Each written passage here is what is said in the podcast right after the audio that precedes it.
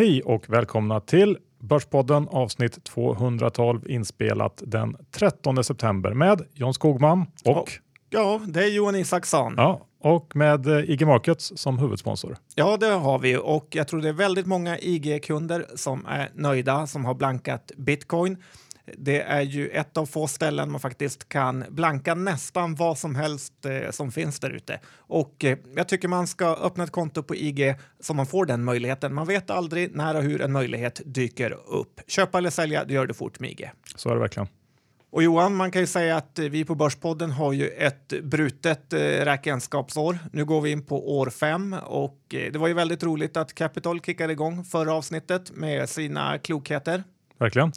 Och eh, precis som en trader så är ju inte en trader bättre än sin senaste trade och en podd är inte heller bättre än sitt eh, senaste avsnitt. Eh, så att nu gäller det att leverera. Ja, det, det stämmer nog ganska bra faktiskt. Eh, innan vi ska göra det om så har vi pratat med Erika från Lendify och frågat henne hur eh, kreditförlusterna har sett ut historiskt. Lyssna här.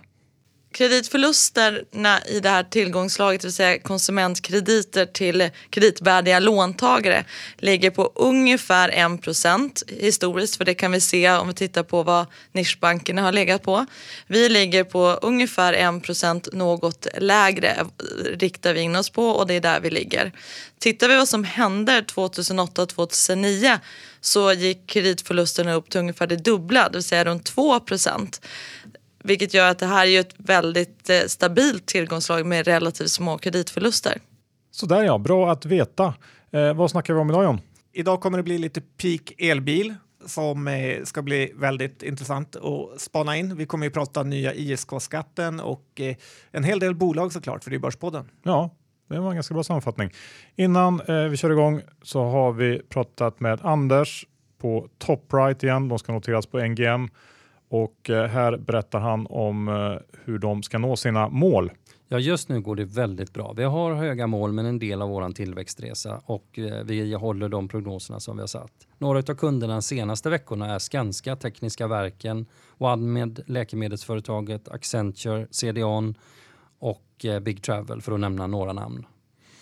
Och om vi går in på blåljussektorn, där verkar ni ju revolutionera säkerhetsarbetet. Kan du berätta lite? Ja, vi får ett genombrott just nu. Vi hade ett projekt förra året där vi fick finansiering av Trafikverket och eh, nu har det släppt ordentligt. Vi har allt ifrån MSB som är Myndigheten för samhällsskydds och beredskap och det är räddningstjänster från norr till söder som beställer. Vi har också tecknat avtal med tre av Sveriges eller Nordens ledande återförsäljare på eh, brandskyddsmaterial och det känns väldigt spännande. Avslutningsvis, hur hinner du med allt och driva den här tillväxten? Ja, vi har ju ett team som, som är eh, väldigt engagerade på jobbet och vi växer ju. Vi var bara fyra, fem personer före sommaren och nu är vi nästan tio personer. En drivkraft är att väldigt många, inklusive mig själv, är aktieägare i företaget och det skapar ett stort engagemang och en drivkraft för framtiden. Tycker man att det här låter intressant, då går man in på toprightnordic.com och laddar ner deras memorandum. Läser på. Teckningsperioden pågår fram till och med den 15 september. Bra det. Nu kör vi.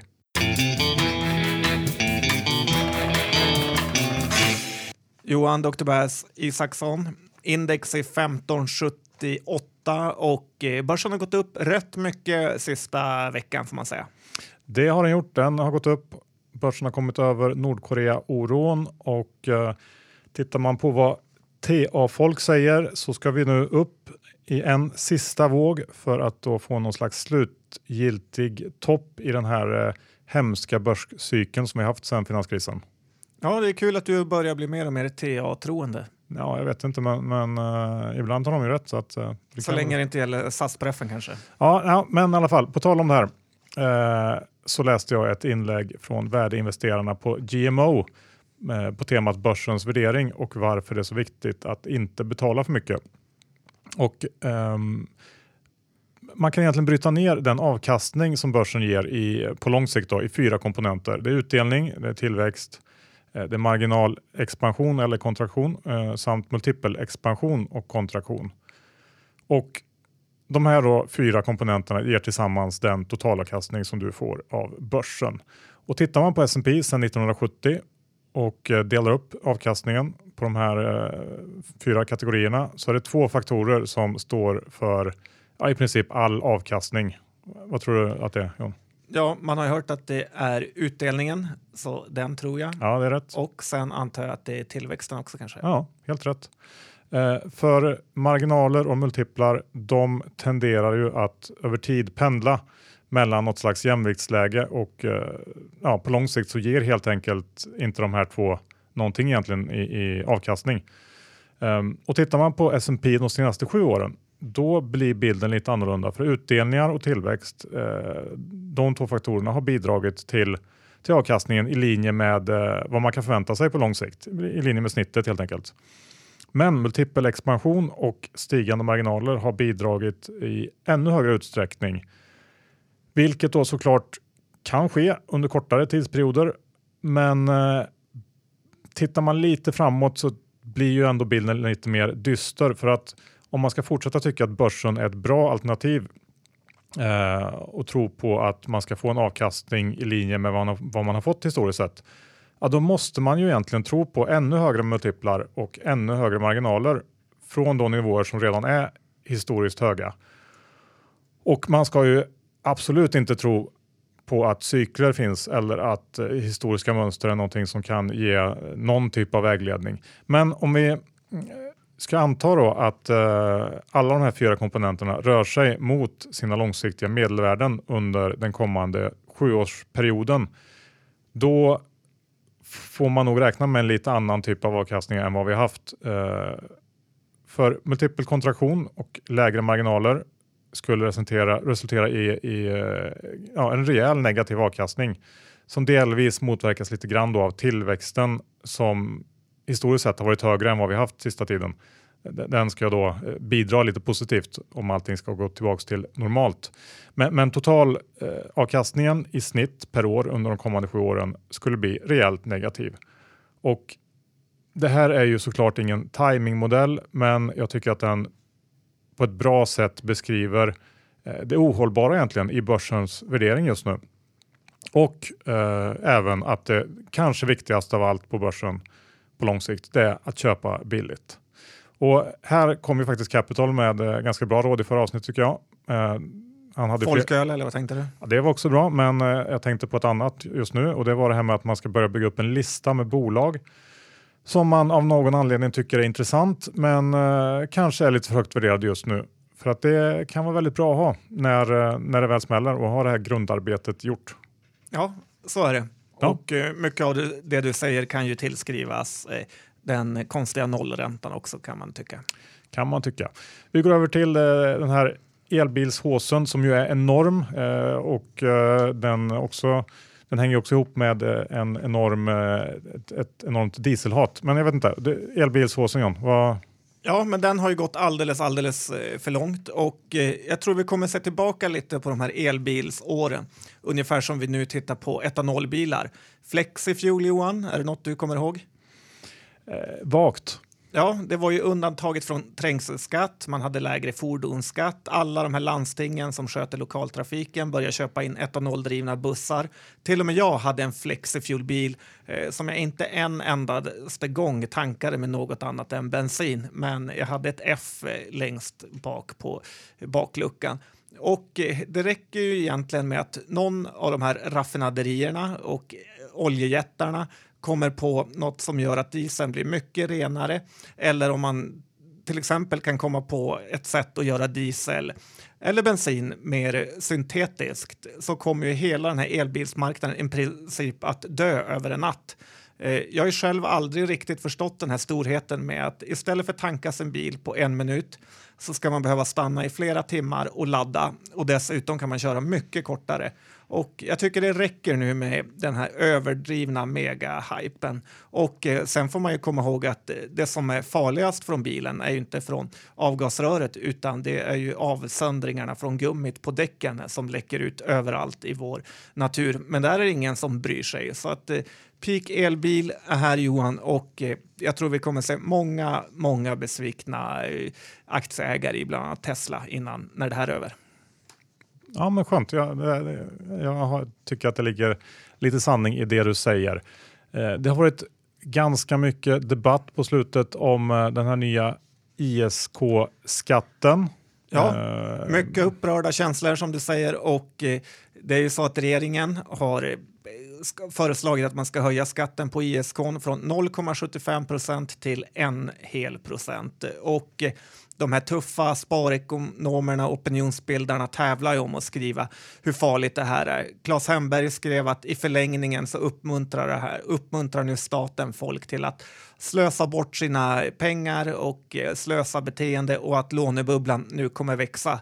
Och eh, det är lite det här Johan, jag, jag menar med att man inte orkar med den här vanliga världen när folk håller på så här.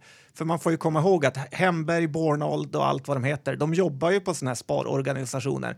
Så höj skatten så kan det ju leda till att deras företag tjänar lite mindre pengar. Deras löner kanske inte får samma utveckling.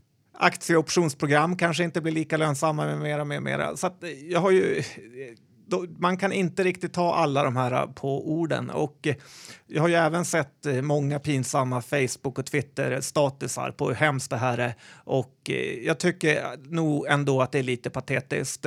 Om man ska titta på mig då Johan så är det, och dig så är det ju absolut sämsta egentligen som kan hända för folk som bara håller på med investeringar. Eh, Så att det finns ju ingen som förlorar mer på det här än du och jag kan man tycka. Men så att vi pratar inte i egen bok här. Men om man bryter ner förslaget, ska jag göra det åt dig? Hemskt gärna. Om du har en miljon på din ISK så får du en procent i skatt och det ger då 10 000 kronor. Eh, Och av de här 10 000 då så tas ju de upp i deklarationen som vinst och de ska du skatta 30 procent för. Och eh, alltså tre papp kommer du få skatta då med det nya förslaget jämfört med 2250 som i det gamla. Alltså 750 kronor mer. Och eh, jag tycker, hur mycket ska man välja att grina över den här höjningen? Man får välja sina strider. Man kan ju också välja att spara i en vanlig depå och då betala 30 procent i vinstskatt, eh, vilket absolut ingen kommer göra. För ISK är ju ändå en liten gudagåva till oss eh, investerare. Så att eh, jag ty- kan tycka man ska hålla lite låg profil. Ni vet ju, om man grinar efter mycket, så vad mister man då Johan? Hela stycket. Och så är det. Och de som är argast tycker jag faktiskt ska tänka på Äppelsången. Den känner inte jag till. Dela med dig eller snåla. En enkel fråga. Får man tåla?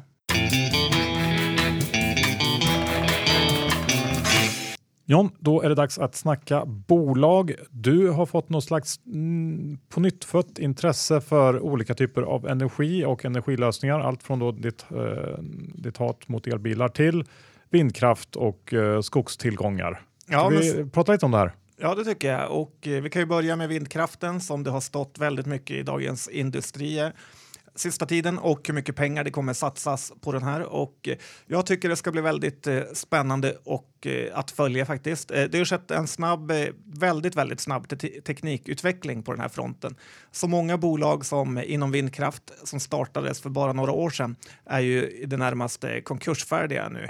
Medan bolag som nu kan investera i de här nya tekniken och nya vindkraftverken som kommer ut ser ju riktigt bra ut då man inte behöver ens några subventioner för att det ska gå runt. Många av de här konkursbolagen finns ju på alternativa listan. Eh, och där skulle jag inte våga stoppa in en spänn. Det är hög eh, skuldsättning på de bolagen och väldigt eh, eh, låga intäkter. Vindkraftverken är helt enkelt för ineffektiva. Eh, och återigen så tycker jag att det visar sig att det är väldigt smart att investera i bolagen som gör inom eh, situationstecken hackar och spadar. Ja, det är mycket bättre att investera i dem än att investera i själva guldgrävarna. Evlus och Arise har ju klarat sig hyfsat ändå och eh, de ser väl ut, om det här nu stämmer med den stora utbyggnaden, att ha en ganska ljus framtid till mötes. I Danmark har vi ju Vestas eh, som tillverkar vindkraftverken och Dong då som också sätter upp dem ute i havet. Eh, och de, båda de är ju världsföretag. Eh, Medan de här bolagen som faktiskt har fått köpa vindkraftverken kanske inte är riktigt lika nöjda. Eh, men det positiva för de här fyra jag just nämnde är ju att eh, när man väl har ett tillstånd för att bygga på mark och man har markarrende så byter man bara ut de här gamla vindkraftverken mot nya och då har man en vindkraftspark i toppklass och eh, därför tror jag fortsatt på de här bolagen faktiskt och vi har även sett en liten kursuppgång sista tiden. Mm, okay. men, det kostar inte massor att byta ut dem? Jo, men du, det är som att byta bil Johan, den drar mindre. Ja, okej. Okay. Ja, ja, vi får se. Det, det, det, kanske ligger någonting i det du säger. Eh, skogs, eh, skogstillgångar då, det vet jag också att du har varit intresserad av på slutet. Ja, men det här är ett av mina andra nya intressen som jag fått i sommar. Det har varit en hel del i Västerbotten. Att jag kanske skulle köpa lite skog men som med de flesta av mina intressen, som eh, vindkraft, hyresfastigheter och bostäder i Spanien, så dör de fort ut eh, när man inser hur jobbigt det är att sköta allt och hur mycket bättre det är med aktier. Därför gillar ju jag och många andra aktier. Det är ju väldigt enkelt. Och så därför har jag tittat på lite av de här skogsbolagen och eh, eh deras innehav av eh, riktig skog. Simon Blecher var ute i veckan och håsade Holmen, så att vi kanske ska börja med den. Mm, hemskt gärna. De äger ungefär en miljon hektar skog och eh, på marknaden så är det värdet mellan 30 och 40 miljarder skulle man väl kanske säga. Blecher säger minst 30. Jag tror nog att det är värt ännu mer. Eh, det går ju såklart aldrig att sälja den här skogen rakt av, eh, men det är bra att få en känsla i värderingen av bolaget. P-talet för Holmen är ju kring 18 och de har en balansräkning i väldigt bra skick så att utdelningarna kommer bli ganska bra framöver. Stora Enso är ju ett annat eh, skogsbolag, men det är betydligt spretigare än Holmen och har ju verksamhet lite runt om. Eh, de äger skog i ett konsortium som är väl en av Sveriges största skogsägare som heter Bergvik och där äger de ungefär hälften av Bergvik skog och det motsvarar ungefär 1,3 miljoner hektar skog i Sverige och sen har de lite i Baltikum. P-talet på Stora är kring 15 för i år och 13 eh, nästa år. Utdelningen är över 3% Sen har vi ju Sverker Martin Löv-företaget Johan. Ja, SCA. Och de är ju Europas största privata skogsägare faktiskt och äger skog för 2,6 miljoner hektar det här får man också betala för i värderingen där P-talet ligger på 28 för i år och 26 nästa år. Så att, eh, det är ganska dyrt tycker jag. Ja. Utdelningen i SCA vet man inte riktigt eftersom det nyligen avknoppats och eh, sen slutligen så har vi ju Billerud Korsnäs som äger 5% av det här Bergvik skog, vilket inte är så mycket. Så att Billerud ska man nog inte köpa om det är för skogen. Eh, däremot är det ganska billigt och eh, har väl ungefär samma p-tal som eh, stora Enso. Så efter den här lilla genomgången så tycker jag nog att eh, jag håller med Simon Blecher att Holmen är nog det bästa köpet och eh, det spelar ingen roll egentligen vad man tycker om Fredrik Lundberg, men han är ju lite som en ICA-handlare som är väldigt om sig och kring sig. Så vill man köpa skog men inte hålla på och hugga och gallra så tycker jag att man ska titta lite närmare på Holmen. Det låter väl som en bra slutsats. Vi går över till Clas Olsson som rapporterade förra veckan. Siffrorna eh, var väl ungefär som väntat. Men eh, augustiförsäljningen, första månaden då i deras Q2, eh, var sämre än väntat. Då ökade försäljningen 1 mot väntade 3,7% vilket eh, egentligen kan översättas till ett ett tapp eh, på 2 i, i jämförbara butiker. Så att här är det fortsatt jobbigt eh, och eh, jag tycker inte riktigt att det här håller givet bolagets värdering. Eh, P-talet för innevarande år ligger strax under 20 och eh, för att motivera den typen av nivåer så krävs det bättre tillväxt. Eh, hoppet nu står väl till eh, den här Tysklands satsningen som man har igång eh, och att det ska börja bidra till, till eh, försäljningen. Eh, men eh, med den mindre lyckade brittiska satsningen i minnet så tycker jag att man ändå kan vara lite skeptisk eh, här tills vi ser tydliga tecken på att att Clas Ohlsons koncept verkligen fungerar även i Tyskland. Så att det, här, det här får bli en sälj för mig faktiskt. Jag vet inte, vad tycker du? Nej, jag har ju en klar köp på ja, Clas Ohlson. lite annorlunda. Jag tycker ju att Clas Ohlson är ju lite som Alibaba fast de säljer grejerna på, eh, i butik. De köper in dem jätte, jättebilligt från eh, Kina och så säljer de det till just in time personer här i Sverige. Så att, eh, jag är ett stort fan av Club Clas och Clas Olsson. Okej, okay. men att försäljningen minskar då tycker du att det, det är okej? Okay? Tillfälligt Johan, tillfälligt. Ja. Vädret. Vi, det är precis det de skyller på också.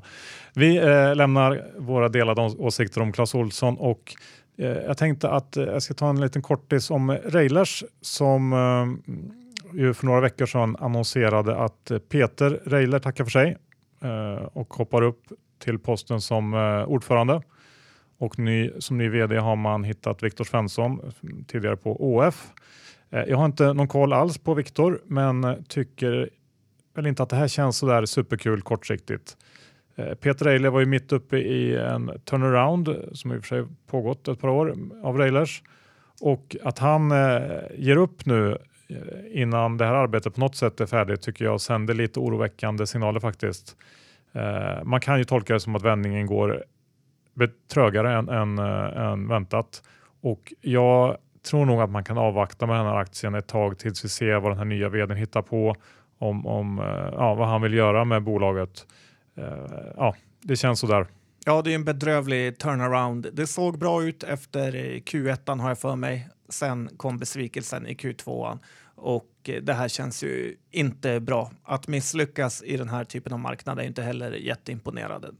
Nej, risken är väl att man, att man måste börja om från början på något sätt. Jag vet inte riktigt. Det är lite oklart också det här, den här digitala resan som Peter Eiler pratar mycket om. Eh, den, var, den var, kändes lite flummig och lite oklar vad, vad den egentligen innebar. Uh, och man får se vad, vad uh, Viktor från, från ÅF tycker om den. Så att, um, ja, jag, jag, håller den under bevakning tills vidare. Fortfarande väldigt låg, lågt PS-tal så får man till marginalen som man borde kunna så är det ju en, en långsiktig vinnare. Men um, ja, det kan nog bli värre innan det blir bättre. Ingen har blivit rik på price sales-tal. Fråga SAS. Så är det ju faktiskt. Uh, vi går över till spelsektorn tänkte jag om. Jag har ett litet svep här med diverse. Ja, men det är alltid kul. Det är ju väldigt många sparare som är inne i de här bolagen. Ja, och det är väl inte så konstigt. De är ju roliga. Uh, vi kan börja med Betsson som eh, också haft lite, lite turbulens på ledningsnivå. Uh, förra veckan kom nyheten att uh, vdn Ulrik Bengtsson får lämna med uh, omedelbar verkan. Uh, skälet uppgavs då vara att han och styrelsen hade olika uppfattningar om ja, strategin framöver. Och, styrelsen man... ville att det skulle gå bra, han dåligt. kan vara så, jag vet inte. De vill inte prata om exakta detaljer, men Pontus Lindvall hoppar i alla fall in ännu en gång som TF vd från styrelseordförandeposten. Och det här är ju ett till sånt här moment som jag inte tycker känns riktigt bra. Eh, vi har ju också osäkerheten i Turkiet, problemen med de här varumärkena i Holland och sen eh, det här ovanpå det. Eh, det är för mycket osäkerhet i Betsson just nu tycker jag och det finns eh, ett antal andra alternativ på operatörssidan som är betydligt bättre val enligt mig i alla fall. Jag var en gång på eh, slutintervju för att bli Pontus Lindvalls lilla eh, högerhand på den gamla goda tiden. Ja, just det. Och eh, det var, kunde blivit en av hans största felrekryteringar någonsin. Så att, eh, väldigt... Det är ändå ett litet varningstecken att du ändå tog det så långt då i den processen. Ja, men han var bara inblandad i slutet och gallade ut mig fort. Okay. Så att du skulle ändå inte vara så orolig för Pontus då? Nej, never bet against Pontus. Nej, vi får se. Eh, men på tal om operatörer så hör jag äh, till exempel att Kindred eh, imponerar ganska mycket bland analytiker och eh, de ska nu sitta på en väldigt välinvesterad plattform rent tekniskt sett. Och eh, till exempel så kan de eh, vara up and running med en helt ny sajt på kort, kort tid och man har också utvecklat lite andra tekniska ja, fiffigheter kanske man kan säga som konkurrenterna inte har, vilket i förlängningen leder till att kunderna kan behållas längre och ja, därmed blir värda mer. Och man ska inte underskatta att, uh, att saker och ting fungerar bra tekniskt och att de har, har en, en plattform som, är, är, som det är ordning och reda på. Uh, Kindred har inte heller gått superbra på börsen senaste tiden och det här tycker jag den börjar bli mer och mer intressant tycker jag. Det är definitivt mitt topplick bland operatörerna i spelsektorn. Nej, jag har för mig att Charis också hade Unibet som ett av hennes favoritbolag. Så var det nog, ja, precis och avslutningsvis i det här lilla spelsvepet så hör jag rykten om att Svenska Spel ska ha signat, eller är väldigt nära att signa i alla fall, en, en sportboksleverantör. Och jag eh, kan inte på något sätt bedöma trovärdigheten i det här eh, ryktet, men eh, om det stämmer så eh, blir det väldigt, eller kommer det vara väldigt intressant att hålla koll på Kambi närmsta tiden för att eh, oavsett utfall egentligen. Eh, för det här känns ju som lite av en måste-vinst för Kambi och ja, det vore ju en enorm prestigeförlust om man inte skulle ta Svenska Spel. Köp om det blir dem, sälj om det inte blir dem. Kan ja, man sammanfatta det med. Jag tror att Kambi kommer röra sig mycket i alla fall. Om det nu stämmer. Vi får se. Jon, Resursbank då? Om vi byter, eh, byter ämne. Ja, för man behöver ju låna för att spela. Ja, det tycker i alla fall sossarna. Oh, bra fick du in den där. Eh, Resurs har ju beslutat sig för att köp, köra en sån här extra utdelning och börja återköpa aktier mitt i 2017 för att de tycker aktiekursen är för låg. Och eh, jag tycker det här agerandet är helt eh, föredömligt. Många anser ju att styrelsen och ledning inte ska bry sig om aktiekursen utan bara fokusera på verksamheten. Men det är lite losersnack enligt mig. Styrelsen finns ju till där bara för aktieägarna och är kursen låg och de tror de kan göra något åt det så tycker jag att de ska agera, till exempel via sådana här återköp och köpa billiga aktier. Tittar vi historiskt på bolag som har vd och styrelser som faktiskt bryr sig om aktiekursen så är ju Lundinarna kanske i topp. Kommer ihåg Ashley Happenstiel, Stein, Stahl eller vad han hette? Ja, på, på Lundin ja. Precis. Lundin, ja. Och eh, vad det än var så kommenterade han ju alltid kursen och tyckte den var för låg. Och eh, tittar vi hur det har gått för Lupe så har ju det gått väldigt, väldigt eh, bra. Ola Rolén är en annan som fått mycket kritik för att han eh, har haft eh, synpunkter på aktiekursen och tycker att den borde kanske vara högre och ser stora möjligheter i den. Men tittar man på vad Hexagon har presterat eh, så är inte det direkt, direkt dåligt Johan. Nej. Men ser man istället på andra sidan skålen där kommunägda bolag som Ericsson eller kanske till och med även H&M där vdarna alltid säger att de aldrig brukar titta på aktiekursen mer än kanske en gång i veckan. Och här, de bolagen har inte presterat alls. Ledningar och eh, styrelser får, tycker jag aldrig får glömma att enda anledningen till att de har ett jobb är för att eh, de ska jobba för aktieägarna och ingen annan. Eh, Även om kanske de på Ericsson har glömt det här för 30 år sedan. Men nu har de snart inget jobb Johan. Inga optionsprogram och inget eh, träningsbidrag på sats för åtta papp om året. Eh, det enda de har är väl kanske ett avgångsvedlag på 18 månader och en megasemester i Thailand. Den vill de inte vara utan. Nej, den vill de nog inte missa.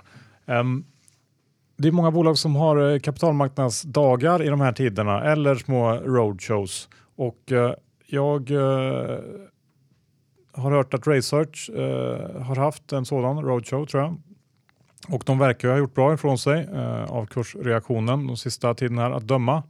Eh, du hade ju det som en, en, eh, ett litet topic bland surdegarna. Ja, och den har ju gått upp eh, väldigt mycket. Lite surt kan jag tycka att det är bara fin, fina bankerna som egentligen får reda på vad som sägs på de här mötena. Ja, precis. För jag, jag hör att det är ganska mycket snack eh, och många som ser stor potential i deras nya produkt som heter Raycare eh, och att det potentiellt sett då kan bli en jättegrej för, eh, för Research. Och eh, det är samtidigt också en ganska stor risk för att eh, om det inte tar fart så, så eh, ska nog aktien ner lite mer. Men, men jag tror att Raysearch närmsta åren står inför ett ganska intressant läge och eh, ja, det ska vara, bli intressant att följa det här. Um, hur som helst så aktien har studsat upp fint sista veckorna och uh, bra call av dig där John. Ja, det var väl mer eh, tur som vanligt när det gäller börsen. Ja, men ska man inte underskatta heller. Firefly då? Ja, de har ju haft eh, rapport och eh, de kom ju för några veckor sedan. Vi har inte hunnit diskutera den här, men eftersom jag ägt bolaget i flera år tycker jag ändå att det är kul att ta upp det lite. Rapporten på resultatet var inte särskilt bra. Dock var ju orderingången väldigt eh, fin och eh, det här vd-ordet som jag tycker fler och fler borde läsa andades väl lite optimism då bolaget har tagit stora kostnader med flytt och expansion eh, under det här året som gått. Och eh, eh, det är väl lite som man själv, när man själv ska flytta som det är med små bolag som har lite extra kostnader. Att eh, det påverkar ganska mycket i resultatet. Dock så kräver ju värderingen nu på Firefly att Q3 och Q4 faktiskt blir bra på riktigt om man ska våga tro på dem. Och eh, det är alltid lite läskigt när så mycket hänger på några enskilda kvartal framöver. Aktien gick ju ner på rapportdagen rätt mycket först, men sen kom ju min egen favorit, ordföranden Erik Mitt Eh, regger in och eh, köpte upp alla som ville sälja eh, aktier. Så att eh, den har väl egentligen inte rört sig mycket sen rapport och eh, det är såklart helt omöjligt att våga ge något eh, råd om en eh, sån här aktie som är så liten och så mycket oväntade saker som kan hända. Ja, det känns lite som avvaktarläge ändå kan jag tycka. Eh, Hexpolion har jag tittat lite på. De har haft eh, halvtufft på börsen de sista månaderna och eh, Hexpol är ju faktiskt ett av de bolag, eh, ja, inte bara inom verkstadssektorn utan kanske på hela börsen som har absolut högst exponering mot den amerikanska marknaden. Och dessutom en väldigt stor andel av sin försäljning som går till just fordonsindustrin. Och Hexpol är också förlorare på, på dollarförsvagningen som vi haft på slutet. Men man kan summera det här med att de har en hel del motvind just nu. Och Eh, Eh, jag såg lite spekulationer kring, eh, kring den senaste tidens oväder i USA och att det kanske kan komma att påverka Hexpol negativt eh, på kort sikt. Främst då för att bilproduktionen i, i USA väntas få, en, få sig en törn av det här. Men om man lägger ihop alla de här orosmolnen där kanske den här bilindustritendenserna med svagare försäljning är, är de mest oroväckande så kan man ju fråga sig om aktien har tappat tillräckligt nu för att vara intressant. Den toppade eh, i våras strax över 100-lappen och ligger kring 80 kronor nu. Om man tittar på konsensusprognoserna så räknar analytikerna med att bolaget, bolaget ska tjäna eh, 4,20 per aktie i år och 4,50 per aktie nästa år. Eh, och jag gissar att inte särskilt mycket får gå fel för att de här prognoserna ska slå in. Eh, men om de gör det i alla fall, om vi utgår från det, så har vi ett P-tal runt 20 vilket faktiskt känns rätt eller väldigt ointressant. Den här aktien har betydligt mer fall i sig tror jag om, om den börjar gå lite snett. Ja, och nu när börsens äldsta vd Georg Brunstam hette han är pensionerad så vet man aldrig vart det tar vägen. Nej, så att eh, ni som är sugna på Expol, vänta lite till tror jag. Ska vi avsluta med eh, Ahlsell? Ja, det ska vi göra Johan och det var kul du tog upp det. För i Ahlsell så gör ju det här riskkapitalbolaget en exit, inte hela, men de har fortfarande mycket att sälja. CVC Partners eh, tog hem 15 procent av sina aktier. Aktien har ju inte gått eh, särskilt bra sista tiden heller, men det är ju mycket inom den här sektorn som inte heller gjort det, så ingen skugga faller där. Eh, det här påminner mig dock lite om när riskkapitalbolaget cashade ur Lindab, kanske det var 2010 eller 11 och aktien halverades i princip efter det. Eh, Ahlsell, Instalco och allt vad de heter. Eh, det här tror jag faktiskt det kan vara platsen man hittar nästa eltel på. Alltså bolag som riskkapitalbolag har satt in på börsen ganska sent i cykeln. De har gjort oändligt många förvärv och inriktningen är ju ändå ganska konjunkturkänslig, även om de här bolagen låtsas om som att de inte är det. Jag höjer ett varningens finger för den här typen av bolag. Stay out så kommer du inte komma till skada.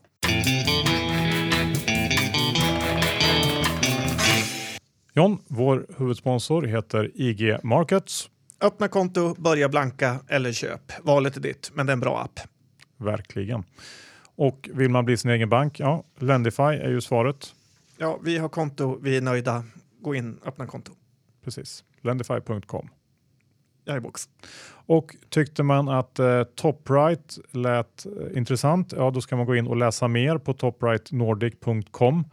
Eh, gå in där, ladda ner memorandumet och eh, tänk på att teckningsperioden den pågår fram till och med den 15 september. Ja, läs alltid på om dina aktieaffärer först. Så är det alltid. John, äger du några av de bolag vi har diskuterat idag? Eller är det kort för den delen? Jag är ju lite vindkraftsfan så jag äger Evolus Vind och jag äger Firefly. Mm. Berätta du själv? Jag äger inte något av bolagen jag har pratat om. Och inte heller kort. Stort! Ja. Tack för att ni lyssnade. Nästa vecka kommer vi tillbaks med någonting hemligt. Ja, och väldigt speciellt. Som vanligt. Tack och hej! Hej då!